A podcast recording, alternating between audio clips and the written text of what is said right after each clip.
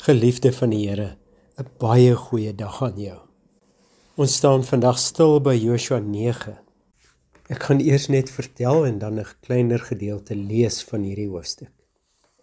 Die mense oorkant die Jordaan het agtergekom dat Joshua hulle oorwinning na oorwinning beleef.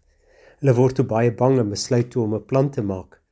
Hulle trek vir hulle ou skoene aan, kry vir hulle ou brood en kry vir hulle lelike, slegte wynsakke So gaan hulle na die kamp van Israel toe. Toe hulle daar kom, lees ons by vers 8. Hulle sê toe vir Joshua: "Ons is u dienaars." Joshua het vir hulle gevra: "Wie is julle en waar kom julle vandaan?" Hulle het hom geantwoord: "Van 'n baie ver land het u dienaars gekom oor die roem van die Here u God. Want ons het die berigte oor hom gehoor, alles wat hy in Egipte gedoen het en alles wat hy gedoen het aan die twee konings van die Amorite wat oorkant die Jordaan was, aan Sion, die koning van Gesbon, en aan Og, die koning van Basan wat in Astarot was. Ons oudstes en al die inwoners van ons land het vir ons gesê: "Neem padkos met julle saam vir die reis en gaan hulle tegemoet. Sê vir hulle: Ons is u die dienaars. Daarom sluit nou met ons 'n verdrag. Hierdie brood van ons Waarom het ons dit uit ons huise geneem as padkos die dag toe ons uitgegaan het om na julle te kom? En nou, kyk dit is droog en net krummels geword. En hier is die leersakke met wyn wat ons vol gemaak het toe dit nog nuut was. En kyk, dit het gebars. Hier is ons klere en ons sandale. Dit is verslete van die baie lang reis. Toe aanvaar die manne hulle woord op grond van hierdie padkos maar die Here se beslissing het hulle nie gevra nie. Joshua het toe vir hulle vrede aangebied en met hulle 'n verdrag gesluit om hulle te laat leef. Die leiers van die volksvergadering het dit met 'n eed bevestig.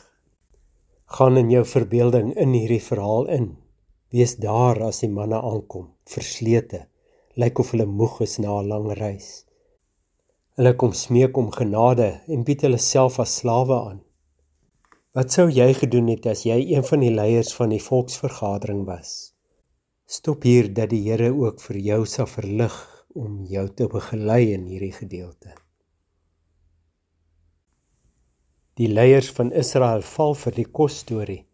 Hulle glo dit eerder as wat hulle die Here, die een om wie dit gaan, geraadpleeg het. Kan jy van 'n geleentheid onthou toe jy eerder die Here moes raadpleeg en toe eerder op jou eie oordeel staat gemaak het? Stop hier om daaroor na te dink en dit ook na die Here te bring. Ons hoor 'n paar dinge. Ons kom agter dat kinders van die Here ook maar faal. Uit hierdie verhaal kom ons ook agter dat die Here nooit hierdie faalende kinders van hom wegstoot en verwerp nie. Hy veroordeel hulle ook nie daarvoor nie.